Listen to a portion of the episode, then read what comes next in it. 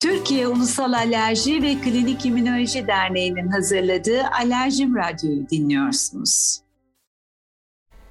Merhabalar sayın dinleyicilerimiz. Ben Doktor Özge Uysal Soyer. Sayın Banu Bozkurt hocamızla bugün göz alerjileri üzerine kısa bir söyleşi yapacağız. Sayın değerli hocam, göz alerjileri nedir? Peki e, Özge Hanım e, merhaba. E, göz alerjileri aslında bizim klinik muayenelerimizde çok karşılaştığımız bir problem. Birçok hasta bize göz alerjileriyle başvurabiliyor. Göz kapaklarında ve gözün yüzeyinde belirli moleküllere, belirli antijenlere, belirli maddelere karşı aşırı bir duyarlılık reaksiyonu ve gözün buna normalden daha fazla tepki göstermesi. Yaşarması, gözün kızarması, kaşınması, kapaklarda şişlik e, gibi e, problemlerle hastalar bize başvurabiliyorlar. Peki hocam sık mı bu durum? Oldukça sık. Yani normalde toplumda görülme sıklığı %15-20 gibi ama belirli mevsimlerde ve bölgelerde bazen %30'lara kadar çıkabiliyor. Peki sizce bu durum hayat kalitesini çok etkiliyor çok, mu? E, tabii çok etkiliyor. Yani göz alerjileri aslında çok farklı yelpazede olan bir hastalık değil. Birkaç farklı tipi var. Bunlardan bazıları e, hani sadece gözde kaşıntı, sulanma, yanma yapıyor. Çok fazla görmeyi engelleniyor.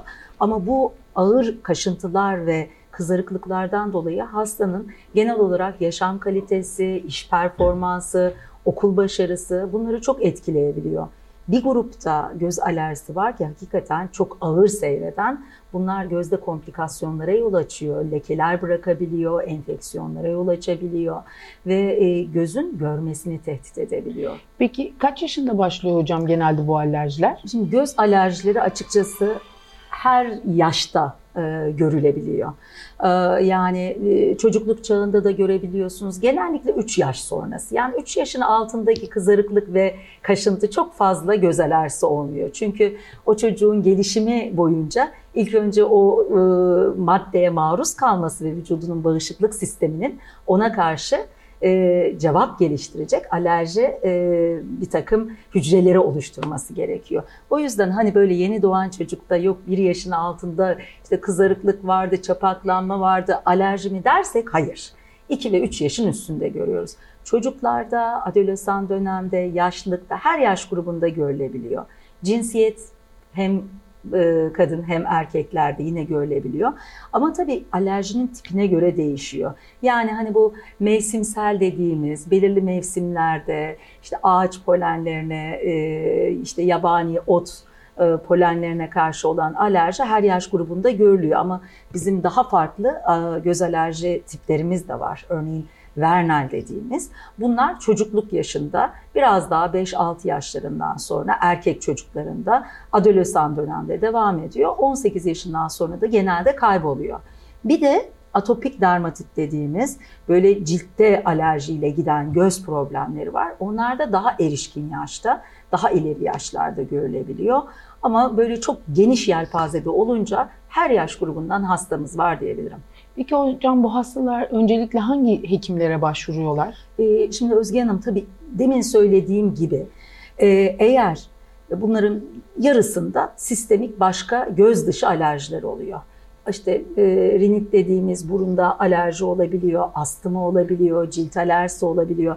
Eğer böyleyse yaş grubuna göre, örneğin çocukluk çağındaysa daha çok e, çocuk doktorlarına, çocuk alerji uzmanlarına gidiyorlar. Ee, gözle ilgili bir sıkıntı varsa ilk önce örneğin göz hastalıkları uzmanına ya da cilt doktorlarına gidebiliyorlar. Bunları sorguladığımız zaman yaklaşık yarısında zaten göz alerji bulgularını da görüyoruz. Hmm. Hafif olunca çok da göz hekimine gelmeyebiliyorlar ama şiddet değilse geliyorlar. Ama eğer sadece göz alerjisi ise doğrudan biz göz hekimine geliyorlar. Ama biz tabii göz hekimi olarak bu hastaları değerlendirdikten sonra e, mutlaka tedavi sürecine başladığımız zaman diğer branştaki işte alerji, immünoloji uzmanları ya da işte e, diğer hangi problemi varsa onlarla irtibata geçip beraber multidisipliner bir şekilde tedavi ediyoruz bu hastaları. Peki hocam bu hastalar bu şikayetlerden korunmak için ne yapsınlar? Ee, evet bu çok çok önemli çünkü e, şikayetlerin ortaya çıkmaması için eğer neye karşı alerjimiz olduğunu biliyorsak ondan hızlıca kaçmak gerekiyor.